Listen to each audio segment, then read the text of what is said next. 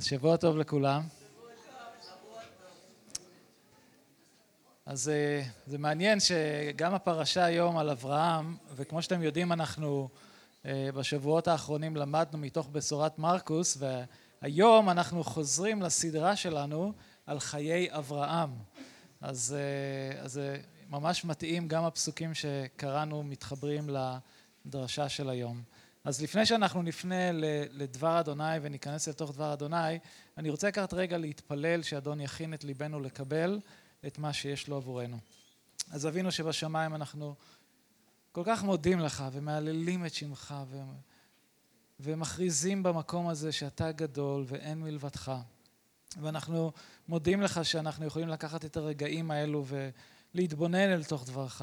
ואני מתפלל שאתה תדבר אלינו, שתיתן לנו לב שומע, ושבאמת נוכל לקחת את הדברים האלו ו... ושזה לא יהיה רק מידע עבורנו, אלא שנוכל גם ליישם את הדברים האלו בחיי היום-יום שלנו. תודה לך שאתה אלוהים כל כך מעשי, ואתה לא, לא קראת לנו לחיות חיים עם בלבול ו, ואי ידיעה. תודה לך שיש לנו את דברך שמדריך אותנו, אבא, אל כל האמת. אז אנא אדוני, תדבר אל ליבותינו. אני מתפלל בשם ישוע המשיח. אמן. אמן. אשאל אתכם שאלה. אם הייתם חושבים על התאריכים או האירועים החשובים ביותר בתוך עם ישראל, מהו הדבר שהייתם חושבים? מה? הכרזת המדינה, 1948. מה עוד? איזה עוד תאריכים? יציאת מצרים, אוקיי. מה קרה בשנת 77'? מכבי תל אביב זכתה באליפות אירופה, כן? אוקיי, אז, אז בהיסטוריה שלנו בעצם יש לנו כל מיני תאריכים מאוד חשובים. אנחנו מחכים עדיין לתאריך שאנחנו נצליח לעשות משהו עם הכדורגל שלנו, אבל כנראה שזה יהיה בתקופת המילניום. אה, אבל, אה, אבל יש, יש את הזמנים, יש את האירועים החשובים האלו שקרו בתוך עם ישראל. והיום אני רוצה להתמקד בקטע מהפסוקים ש, שלדעתי זה האירוע הכי חשוב, הכי מכונן בתולדות עם ישראל. ואנחנו נפנה לספר בראשית אה, ואנחנו נקרא בפרק ט"ו, שזה פרק 15, ונקרא פסוקים 7 עד 21. הפסוקים האלו מדברים על ברית בין הבית"רים. אז אנחנו נקרא את כל הפסוקים ככה בפעם אחת, ואז אני רוצה לחלק כמה מחשבות. בראשית ט"ו, פסוקים 7 עד 21. ויאמר אליו, כלומר אל אברהם, אני אדוני אשר הוצאתיך מאור כסדים, לתת לך את הארץ הזאת לרשתה. ויאמר אדוני אלוהים, במה, במה אדע כי ירשנה? ויאמר אליו כחלי עגלה משולשת ועז משולשת ועיל משולש ותור וגוזל. ויקח לו את כל אלה ויוותר אותם בתווך ויתן איש ביתרו לקראת רעהו ואת הציפור לא ותר. וירד העית על הפגרים וישב אותם אברהם. ויהי השמש לבוא ותרדמה נפלה על אברהם. והנה אימה חשיכה גדולה נופלת עליו. ויאמר לאברהם ידוע תדע כי גר יהיה זרעך בארץ לא להם, ועבדום, ועינו אותם ארבע מאות שנה. וגם את הגוי אשר יעבדו, דן אנוכי, ואחרי כן יצאו ברכוש גדול. ואתה, תבוא אל אבותיך בשלום, תיקבר בשיבה טובה. ודור רביעי ישובו הנה, כי לא שלם עוון האמורי עד הנה. ויהי השמש באה ועלתה, והיה, והנה תנור עשן, ולפיד אש אשר עבר בין הגזרים האלה. ביום ההוא כרת אדוני את אברהם ברית לאמור לזרעך נתתי את הארץ הזאת מנהר מצרים עד הנהר הגדול נהר פרת את הקני ואת הקנזי ואת הקדמוני ואת החיטי ואת הפריזי ואת הרפאים ואת האמורי ואת הכנעני ואת הגרגשי ואת היבוסי. וואו ברית בין הבית"רים. אם אתם זוכרים, אנחנו, כשלמדנו על חיי אברהם, הקטע ש, שהתמקדנו בו זה בדיוק הפסוקים שהיו לפני כן, שכאשר אברהם אה, אה, פנה לאלוהים ו, ואמר לאלוהים, מי יירש אותי? אין לי ילדים משלי. וכמו שאתם יודעים, אברהם ושרה היו בגיל די מבוגר, אז ככה שהם ככה, אפשר לאבד תקווה. אם אתה מגיע לגיל 90, או אתה מתכוון להגיע לגיל הזה, אז לחשוב על ילדים זה קצת די מאתגר, מסכימים איתי? כן. אני, אני אגיד לכם משהו, אני ראיתי את סבתא, סבתא שלי, זיכרונה לברכה, הגיעה לגיל 90, ואני רוצה לומר לכם, אין סיכוי שבאופן טבעי אפשר ללדת ילדים, אבל אברהם שואל את אלוהים את השאלה הזאת, מה, מישהו אחר יירש, אתה נתת לי כבר הבטחה. ואלוהים אומר לו, לא, אתה תקבל בן, אתה תהיה מישהו שיצא מזרעך. ואברהם, כשהוא שמע את המילים האלו מאלוהים, כתוב שהוא האמין. הוא האמין ואלוהים, כתוב שזה, הוא החשיב לו את זה לצדקה. איזה אמונה להאמין בדבר כזה. ואני חושב ש, שאנחנו נמצאים עכשיו בדיוק בקטע הזה, שזה מביא את אברהם עוד פעם לשאול את אלוהים את השאלה, איך אני ארש את הארץ הזו? ואפשר להגיד שהיה ספק לאברהם, ואני חושב שזה משהו שהוא טבעי לגמרי, כי מבחינה טבעית הדברים האלו לא יכולים להתקיים.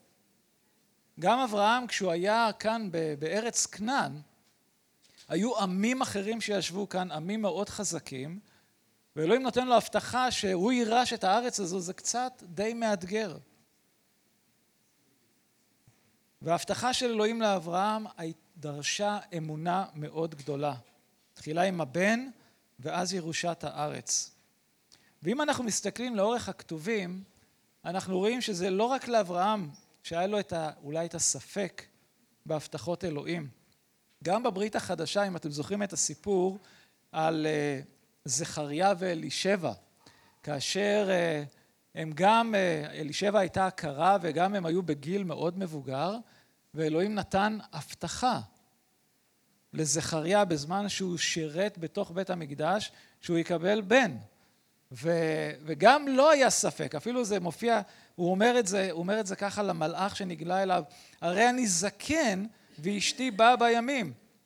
ואז המלאך אומר, והנה תיעלם ולא תוכל לדבר עד אשר יקרו הדברים האלה, על שלא האמנת לדבר, לדבריי אשר יתקיימו בעיתם. עכשיו, בשונה מאברהם, אברהם האמין. הוא לא שאל, אלוהים, איך אתה הולך לעשות את זה? אשתי די זקנה, היא עקרה, איך... הוא האמין. ואלוהים החשיב לו את זה לצדקה. פה במקרה של זכריה, הוא היה אילם במשך תשעה חודשים. אני לא יודע אם זה, זה היה דבר אה, חיובי עבור אלישבע, שבעלה לא דיבר במשך תשעה חודשים, אבל הספק הזה שהיה בתוך זכריה, אה, זה משהו, שוב, זה משהו טבעי, משהו ש... שזה דורש אמונה, דורש אמונה להאמין בהבטחות אלוהים. אתם זוכרים שגם אה, למדנו מתוך בשורת מרקוס על, על הזמן שבו התלמידים היו בסירה והייתה סערה גדולה וישוע הלך על המים ואז אה, אה, שמעון קיפה הוא אומר לישוע תקרא לי לבוא אליך. ואז הוא יוצא מהסירה והוא גם מתחיל ללכת על המים ואז הוא רואה את הגלים הגדולים והוא מתחיל לטבוע.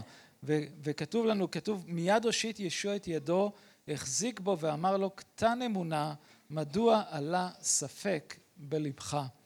וגם אני חושב שגם אנחנו בחיים הרוחניים שלנו, בחיים שלנו עם האדון, במסע שלנו עם אלוהים, יש את הספק שיכול להגיע, יכול להיכנס.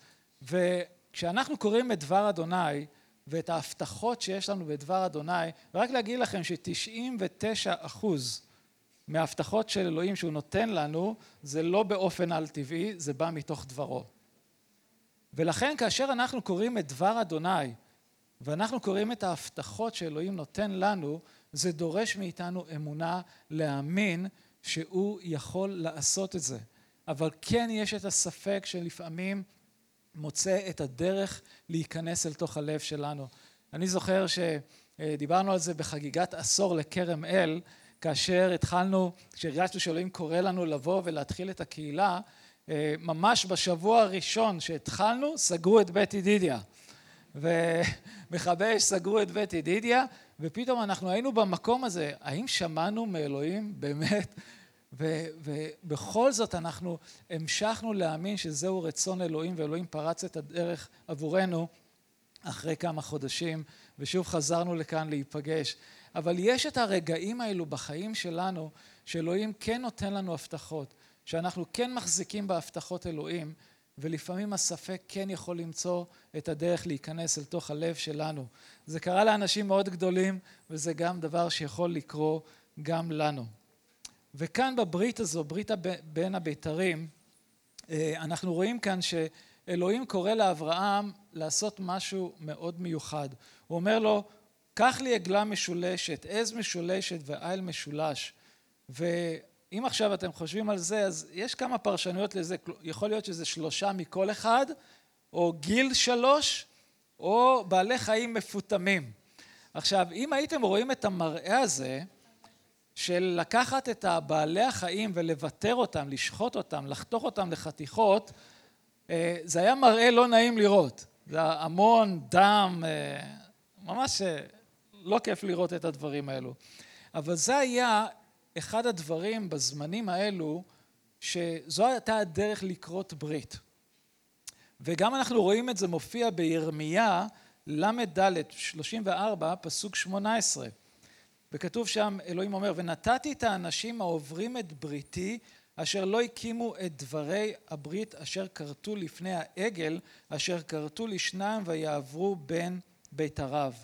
זאת אומרת שכאשר אברהם לקח את הבעלי חיים וביטר אותם ושם אותם על הארץ והוא הכין בעצם את כל מה שצריך כדי שאלוהים יכרות את הברית, מה שקרה בדרך כלל בברית כזו שני הצדדים היו עוברים בין החתיכות של הבעל חיים והיו אומרים שאני מחויב לשמור את הברית הזו ואם אני לא אשמור את הברית הזו מה שקרה לבעלי החיים האלו יקרה גם לי. עד כדי כך. וכאן אנחנו רואים את הברית הזו שקראנו בירמיה ל"ד וההקשר של הברית הזו למה הם הפרו, עם ישראל הפר את הברית הזו ומה זה היה? אלוהים אמר לעם ישראל שהם צריכים לשחרר את העבדים אחרי שבע שנים, כמו שכתוב בתורה. וכאשר הנביא הלך והכריז לעם שהם צריכים לעשות את זה, כי הם לא עשו את זה, אז הם כן צייתו, שחררו את העבדים לחופשי, אבל מה שקרה, לאחר זמן מה, הם הלכו אחרי העבדים האלו ולקחו אותם בחזרה לעבדות. הם לא עמדו בהבטחה שלהם, הם לא עמדו בברית שהם כרתו עם אלוהים. עכשיו, מהי ברית? עכשיו, לפני אלוהים, ברית זה דבר רציני ביותר. ובדורנו אנחנו רואים את היחס לברית כאילו זה חוזה שכירות. יש תאריך כניסה ויש תאריך יציאה. אני חושב שהיום אם מסתכלים, אתם יודעים, למה אנחנו קוראים ברית נשואים, אוקיי? זה לא סוג של הסכם של שכירות. אוקיי, אם הנשואים יסתדרו, אז אנחנו נמשיך הלאה ביחד. זה ברית לפני אלוהים, זה ברית של שני צדדים שמחויבים להיות אחד עם השני. ואני יודע שאני בא מרקע יהודי, ואנחנו בחופה, מה אנחנו אומרים? הרי את מקודשת לי וטבעת זו כדת משה וישראל. אבל בתרבות המערבית יש הרבה יותר. אומרים בחולי ובכל מיני דברים, בעושר ובעוני, ונותנים את כל הרשימה הזו שאני מחויב להיות איתך לא רק כשטוב, אלא גם כשלא טוב. וזה בעצם אמירות כל כך יפות, כי זה הברית. זה, זה אומר שאני מחויב, הבעל מחויב לאשתו, האישה מחויבת לבעלה, ולא משנה מה יבוא, אנחנו נישאר בברית הזו. ואני אהיה אמיתי איתכם, כי נשואים, ברית נשואים זה דבר די מאתגר. הרומנטיקה של ההתחלה כשהחשבונות מתחילים להגיע והילדים מתחילים להיוולד והלחץ של החיים זה כן משפיע עלינו. אבל זאת אומרת שאנחנו במערכת יחסים של ברית אנחנו נשארים אחד עם השני גם כשקשה, גם כשמאתגר. ואני לא כאן לשפוט אנשים שאולי עברו תהליך של גירושים ואנחנו יודעים שזה מה זה כואב לעבור תהליך שכזה. אבל כשאנחנו מדברים על ברית זה התחייבות, התחייבות מוחלטת, זה הסכם הדדי שנעשה בהתאם לרצונם של הצדדים החותמים על הברית.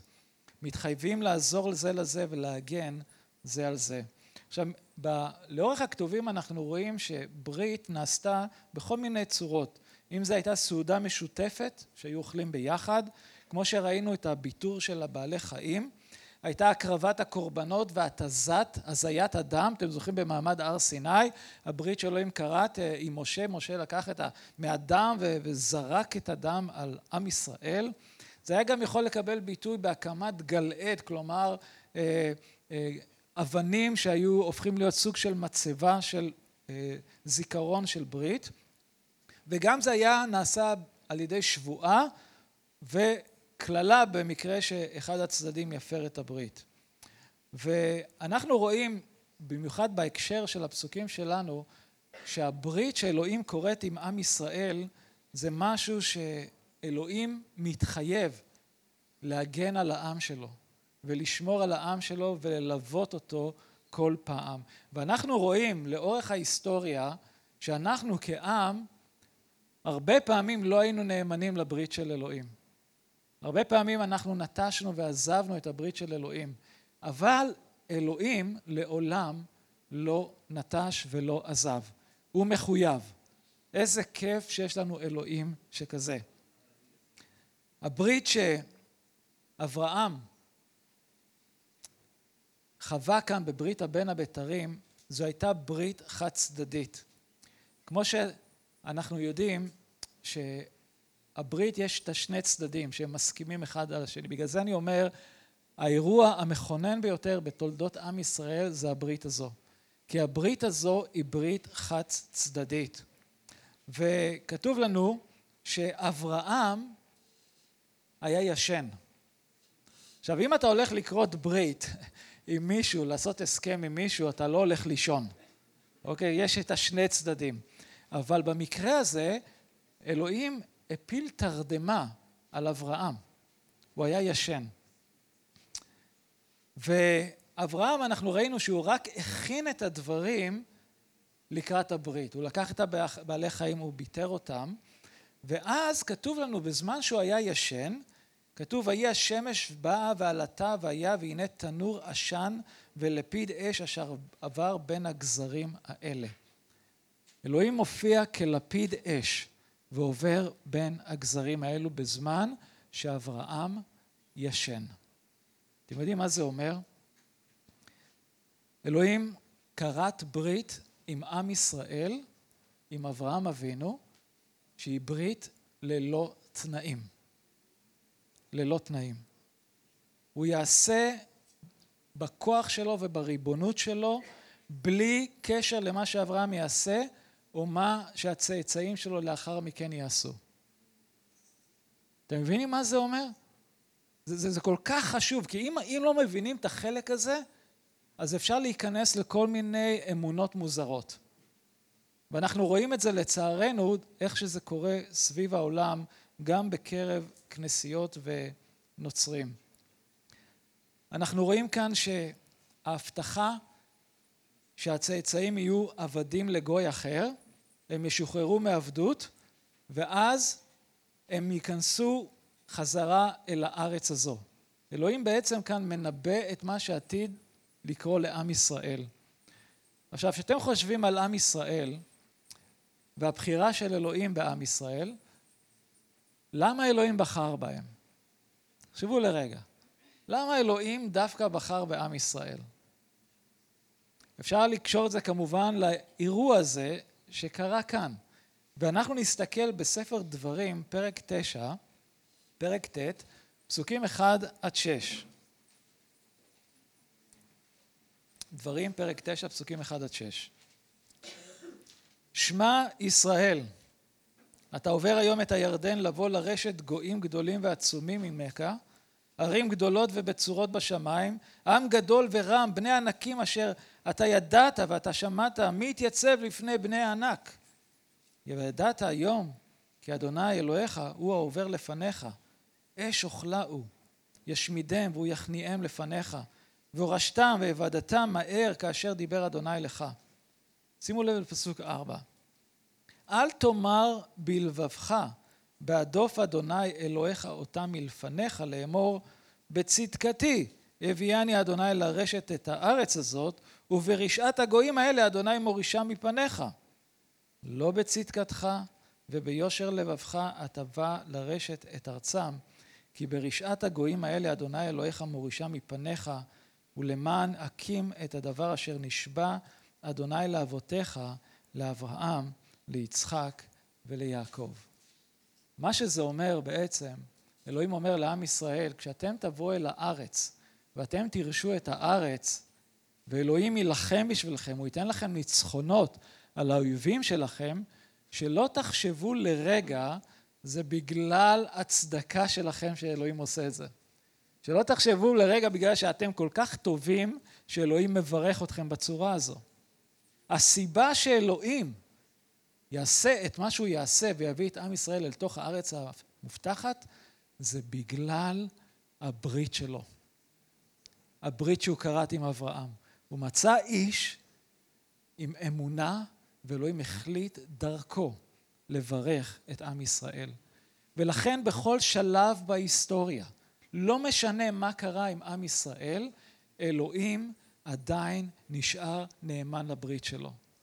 אנחנו כאן בארץ ישראל, רק בגלל הברית של אלוהים. שלא תחשבו לרגע זה בגלל שאנחנו, למרות שיש לנו המון פרסי נובל ואנחנו אה, וחושבים את עצמנו להייטקיסטים והחכמים וכל זה, שלא תחשבו לרגע שזה בגלל הדבר הזה. זה בגלל הברית של אלוהים. ברית שהיא ללא תנאים. עכשיו אנחנו יודעים שיש כאלו שחושבים שאלוהים סיים עם עם ישראל בגלל שהם חטאו לאלוהים, לא שמרו את המצוות שלו. ויש כאלו שאומרים בגלל שהם דחו את המשיח, אלוהים סיים עם עם ישראל.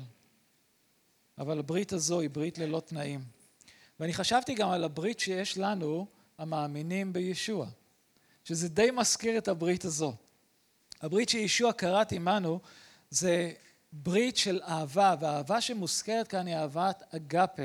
ואחד הפרשניות של האגפה זה אהבה ללא תנאים.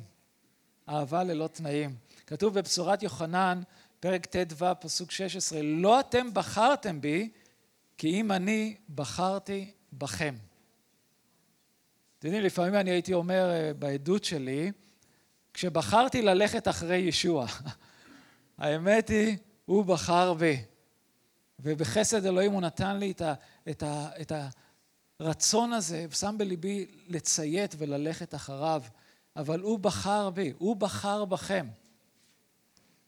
שאול השליח מסביר לנו באיגרת אל הרומים שכולם חטאו, יהודים וגויים כאחד, וכולם צריכים לחזור בתשובה. אבל הוא אומר שם ברומים ה' פסוק שמונה, אולם אלוהים מגלה את אהבתו אלינו בכך שהמשיח מת בעדנו כאשר עוד היינו אנשים חוטאים. כשהיינו עוד אנשים חוטאים. זו אהבה שאין בה תנאים. גם כשהיינו חוטאים. ואני חושב ש, שכהורה, אה, אני, כשאני מסתכל על הפסוקים האלו ועל ההבטחות האלו, אני מקבל המון יותר עומק והבנה. כי לא משנה, תקשיבו, לא משנה מה הילדים שלי יעשו, אף פעם אני לא אוכל להפסיק לאהוב אותם. הם תמיד יהיו בלב שלי, ואני אמשיך לאהוב אותם. ואני, דיברנו על זה אני ולואן לפני כמה ימים, ש, שהאהבה שלנו לנכדים אפילו היא יותר גדולה. אני לא חשבתי שזה יקרה ככה. וזה מדהים, מדהים לראות את, ה- את האהבה הזו. ואם אנחנו אוהבים ככה, בני אדם עם כל החולשות שלנו וכל החסרונות שלנו, עד כמה אלוהים אוהב אותנו ומחויב לכל אחד מאיתנו. ביום שהחלטנו לתת את חיינו לישוע, משהו השתנה במעמד שלנו. עכשיו אנו בנים ובנות לאלוהים. אני אוהב את הפסוקים מיוחנן, פרק י', פרק 10, פסוקים 27 ו-28. ישוע אומר, צוני שומעות את קולי, ואני מכיר אותן. הן הולכות אחריי, ואני נותן להן חיי עולם, ולא תאבדנה לעולם, אף לא יחטוף אותן איש מידי. אף אחד לא יוכל לחטוף את הילדים של אלוהים מהיד שלו. אף אחד. יהיו ניסיונות, אבל אף אחד לא יוכל לחטוף אותם. וכשאנחנו חושבים על הברית הזו שיש לנו עם ישוע, אף אחד לא יוכל לחטוף אותנו מהידיים של האדון. וכך אני חושב שאנחנו חושבים על עם ישראל ועל הברית שאלוהים כרת עם אברהם אבינו. זה אותו הדבר. אף אחד לא יוכל לקחת את ההבטחות שאלוהים נתן לעם הזה. זו הייתה ברית שהיא ללא תנאים. אה, חשבתי על הפסוק אה, בבראשית ט"ו, בקטע שקראנו בהתחלה, פסוק 11, אחרי שאברהם לקח את, ה, את הבעלי חיים וביטר אותם, והיה את כל הדם, וכתוב לנו בפסוק 11, וירד העית על הפגרים, וישב אותם אברהם. וזה סוג של תמונה, אני לא, אני אכנס יותר מדי ליותר פרשנות מעמיקה, אבל, אה, אבל באמת זו תמונה של זה כאילו ניסיון לפגוע בברית של, של אלוהים עם אברהם.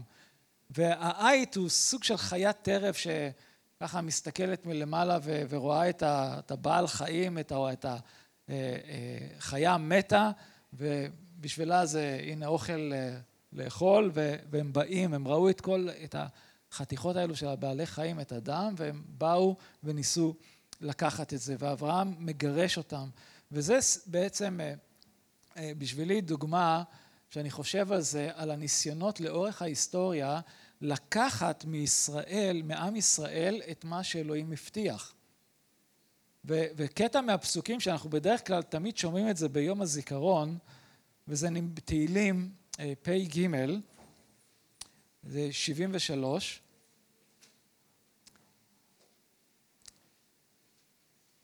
שיר מזמור לאסף, אלוהים על דומי לך, אל תחרש ואל תשקוט אל.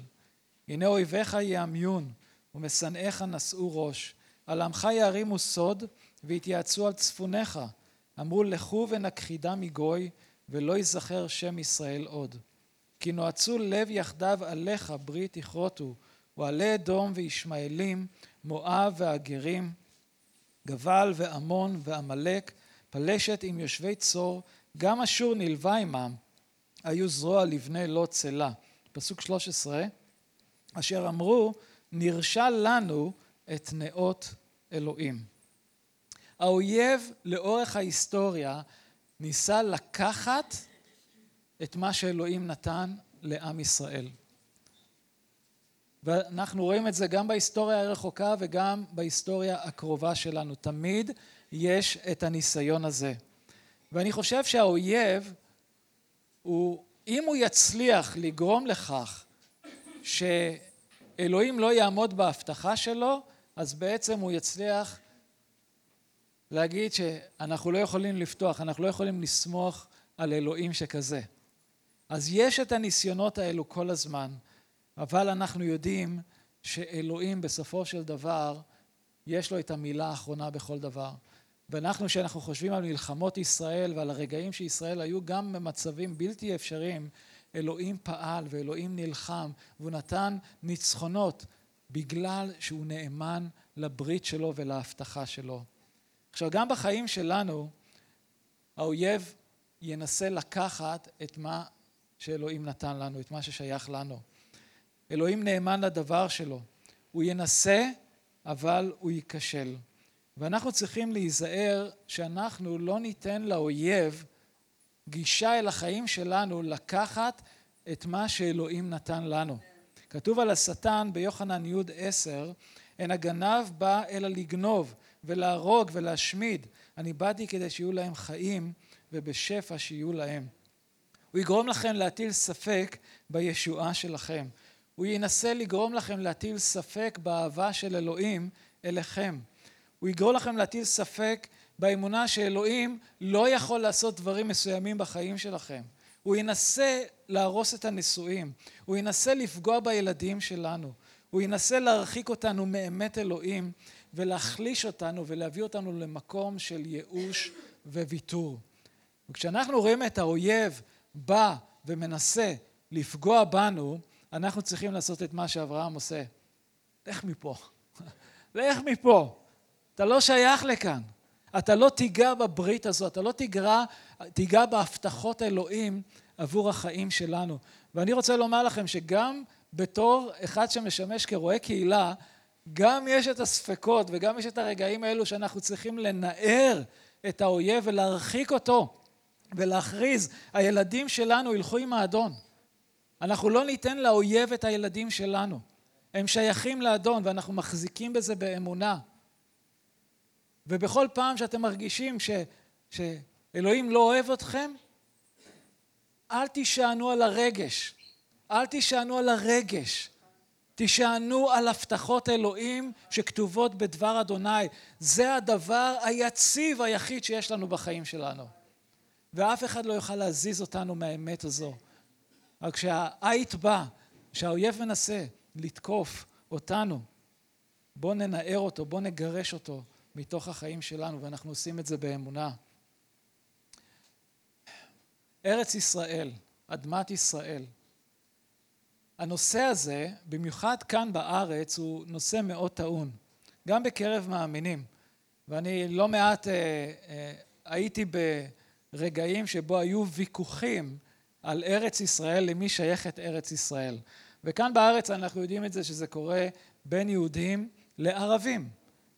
הערבים אומרים, אנחנו היינו פה, אתם באתם עכשיו, הארץ הזו היא שלנו.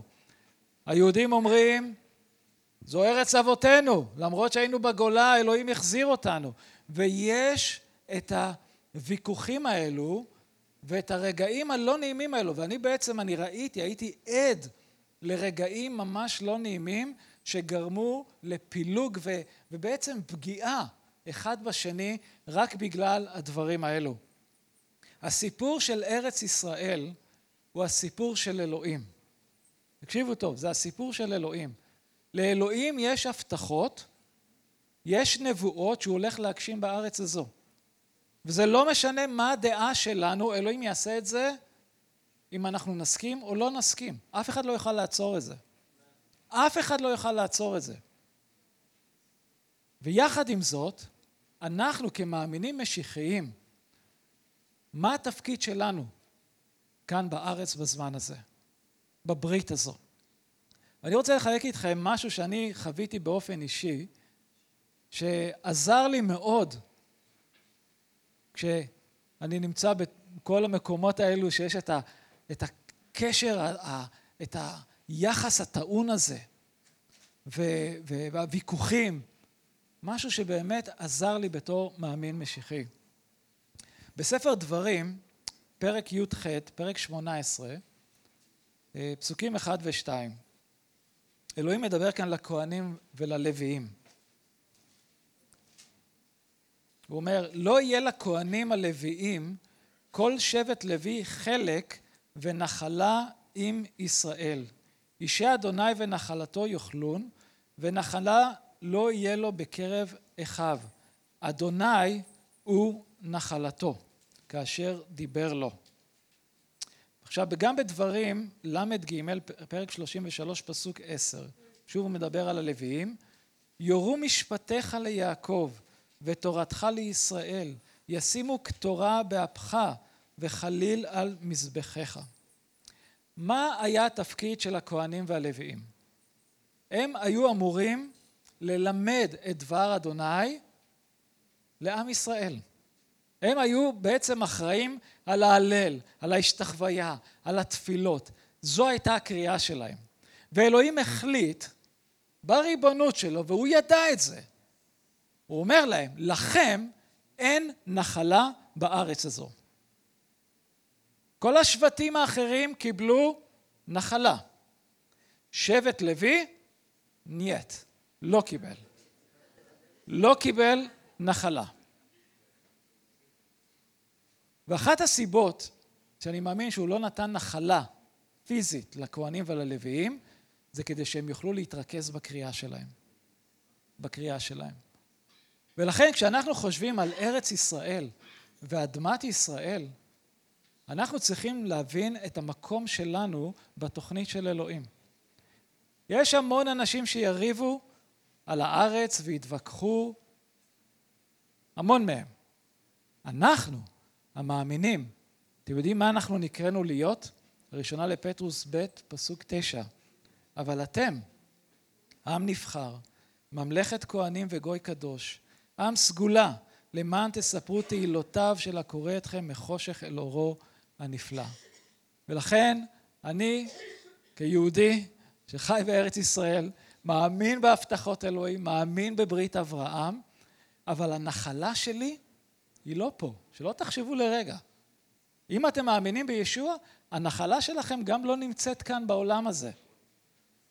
יצחק לוי נמצא עכשיו בנחלה שלו. לשם אנחנו מכוונים. אם אנחנו נתעסק במריבות וארץ ישראל היא שלי, לא שלכם, לא, זה שלי, זה שייך. אנחנו נאבד, אנחנו פשוט, אנחנו נסטה מהקריאה של אלוהים בחיים שלנו. ולכן אנחנו כיהודים וגם כערבים, הקריאה שלנו זה להיות בתוך העם שלנו ולהכריז להם את בשורת ישוע. ללמד אותם את דבר אדוני, להאיר את אור ישוע המשיח. ולא להיכנס לכל הפינות האלו של מריבות וויכוחים שלא עושים שום דבר טוב. אלוהים הוא נאמן לדברו. אם אנחנו נרצה או לא נרצה, הוא יקיים את מה שהוא הבטיח בארץ הזו.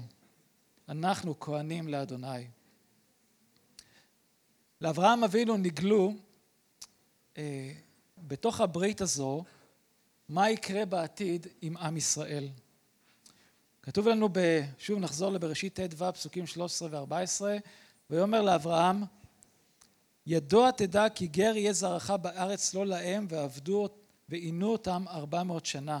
וגם את הגוי אשר יעבדון דן אנוכי ואחרי כן יצאו ברכוש גדול. ואלוהים כאן מגלה לאברהם מה יקרה לצאצאים שלו בעתיד ו, ונראה שאלוהים נותן זמן כאן, הוא לא עושה את זה באופן מיידי, הוא, אומר שהם יהיו בעבדות, יהיו בארבע מאות שנה בעבדות, אנחנו יודעים שזה במצרים, ואז אלוהים גם ישפוט את הגוי הזה, ואפשר לחשוב למה אלוהים נתן את הסיבה הזו, למה הוא מעכב את ההבטחה הזו. וכתוב לנו שבפסוק 16, ודור רביעי ישובו הנה, כי לא של... שלם עוון האמורי עד הנה.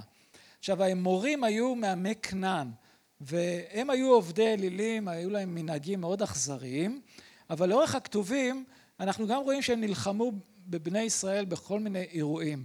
אבל כשאלוהים ראה את העם הזה, הוא, הוא רצה לחכות עם המשפט שלו. אלוהים רצה לחכות עם המשפט שלו. וזה הלב של אלוהים, שתבינו, שהוא תמיד מחכה, הוא תמיד סבלן, יש לו אורך רוח, כי הוא רוצה שאנשים יחזרו בתשובה. שאנשים ישנו את הדרך שלהם. ואם אתם זוכרים את הסיפור על יונה הנביא, כאשר העם בננבה, הם כל כך חטאו, כתוב שהרעה שלהם עלתה לשמיימה, ואלוהים שלח את יונה לקרוא להם לחזור בתשובה, וכשהוא עשה את זה, מה קרה לעם בננבה? הם חזרו בתשובה, ואלוהים סלח. וכאן אנחנו רואים שגם אלוהים, כשהוא מסתכל על עמים אחרים ומה שהם עושים, לפני שהוא מביא משפט, הוא, הוא רוצה שהם יחזרו בתשובה. זו האהבה שלו, זו הסבלנות שלו. יכול להיות שגם סיבה נוספת לעיכוב זה שעם ישראל בעצמו לא היה מוכן. וכל מה שהם היו צריכים לעבור במצרים, אה, זה היה צריך דבר להכין אותם לקראת אה, אה, היציאה והכניסה אל הארץ המובטחת. לאלוהים יש לוח זמנים שלו. הוא יבטיח משהו, אבל לא תמיד הוא אומר לנו מתי זה יקרה. עכשיו נכון שזה קצת מרגיז, היה, היה, מה זה כיף לקבל תאריך עם זה? אלוהים נותן לך הבטחה אבל שיש איזה תאריך, אבל הוא לא נותן. אתם יודעים, משה, לפני שאלוהים קרא לו ללכת ו, ולהוציא את עם ישראל ממצרים, אתם יודעים שהוא היה 40 שנה רועה צאן במדבר? דוד המלך קיבל את הקריאה מאלוהים להיות מלך על ישראל, אבל איזה תהליך הוא עבר של רדיפה מצד שאול עד שהוא הגיע למקום הזה של מלוכה. גם שאול השליח כאשר הוא הגיע לאמונה, כתוב לנו שהוא היה שלוש שנים בערב, הוא היה מבודד לפני שהוא נכנס אל תוך הקריאה שלו.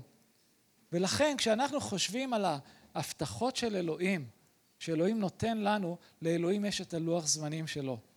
ולא תמיד זה באופן מיידי. ואני יכול להעיד גם באופן אישי שהקריאה שאלוהים נתן לי, היא לא התממשה באותו יום ולא שבוע לאחר מכן. זה היה תהליך. תחשבו לרגע, זה כמו שאתה מופיע בבית חולים ואתה אומר, על הלב שלי להיות רופא. אפשר לקבל אותי לעבודה? נותנים לך חלוק ונותנים לך את כל זה, לך תטפל בחולים. לא, אתם יודעים שזה לא יקרה, נכון? אתה צריך ללמוד, אתה צריך לעבור תהליך כדי שאתה תוכל להיות מוכן לקריאה הזו. וגם אנחנו, כאשר אלוהים נותן הבטחה או קריאה מיוחדת, יש תהליך שאנחנו עוברים. ו, ואני פשוט רוצה לעודד אתכם לא להתייאש. אם אלוהים נתן לכם איזו מילה אישית עבור החיים שלכם, איזו קריאה מיוחדת, אל תתייאשו. תמשיכו להיות נאמנים במה שאתם עושים עכשיו. תרוצו אחרי האדון. האדון מכין אתכם. הוא גורם לכם לעבור איזה תהליך מסוים, ואז יום אחד אתם תמצאו את עצמכם בתוך הקריאה שלכם. אני הכנתי אלפי אנטנות לטלפונים, ארבע שנים בגלטרוניקס. אני שירתתי עם מכורים לסמים ואלכוהול במשך כמעט תשע שנים. הייתי שמש, ורק אז האדון בחסד שלו הביא אותי למקום שיכולתי להיכנס לתפקיד הזה של רועה קהילה. יש תהליך שכל אחד מאיתנו צריך לעבור. ההבטחות של אלוהים, כן, להחזיק בהם, להאמין בהם. גם כשאברהם קיבל את ההבטחה, זה לא קרה באופן מיידי. ולפעמים ההבטחות שהוא קיבל גם לא קרו בזמן החיים שלו, אבל אלוהים הוא כן נאמן. וראינו בקטע הזה גם את גבולות הארץ, שזה מעניין. ארץ ישראל השלמה זה כולל ערב הסעודית, עמאן, תימן, טורקיה, עיראק, סוריה, לבנון, ירדן, כווית, איחוד האמירויות ועוד כמה מקומות במזרח התיכון. עכשיו, אף פעם ישראל לא הייתה בגודל הזה, כן? לא, לא היה לנו את הרגע הזה, אבל מה שכן, תהיה תקופה שאלוהים יעשה את זה. ואם אתם מעוניינים ככה להיכנס לתורת אחרית הימים, אתם מוזמנים לקרוא את ספר התגלות, פרק עשרים, שם תקופת אלף השנים שהשטן ייכבל ויושלך אל התהום ואז ישוע יבוא וימלוך עם הקדושים ואז באמת יהיה אהבה, צדק ושלום ו... ואז אנחנו נראה את ההבטחה הזאת כן מתגשמת. אז אה, לא להתייאש, גם אם ישראל שלנו היא קטנה, זה, זה בסדר, אלוהים פועל ואלוהים יש לו את התוכניות שלו. אז פשוט לעודד את כולנו היום הזה, בברית הזו, כשאנחנו חושבים על ישראל ועל עם ישראל, בואו נראה את ישראל דרך הברית הזו, ברית אברהם. הברית הזו בלי תנאים של הנאמנות של אלוהים עבור החיים שלנו, וגם לקחת את זה למקום האישי, ששוב, אל תיכנסו לוויכוחים עם מאמינים אחרים. זה ארץ שלי, ארץ שלי. אנחנו לוויים, אנחנו כהנים לאדוני. בואו נתרכז בקריאה שלנו ונכריז את בשורת ישוע המשיח לעמים שלנו. וגם לעודד אתכם, אם יש לכם מילה שאלוהים נתן לכם, תנו לאדון להעביר אתכם את התהליך הזה שאתם צריכים כדי שתגיעו ליום שהוא יממש את הקריאה הזו בחיים שלכם. אז בואו ניקח רגע להתפלל. תודה לך אבינו. הללויה. אבינו שבשמיים אנחנו מודים לך שאתה אל נאמן ואתה אל ששומר ברית. וגם כשאנחנו לא נאמנים אתה נשאר נאמן כי זה מי שאתה. אתה לא יכול להשתנות. ואנחנו מודים לך שאתה אתה סלע איתן בחיים שלנו.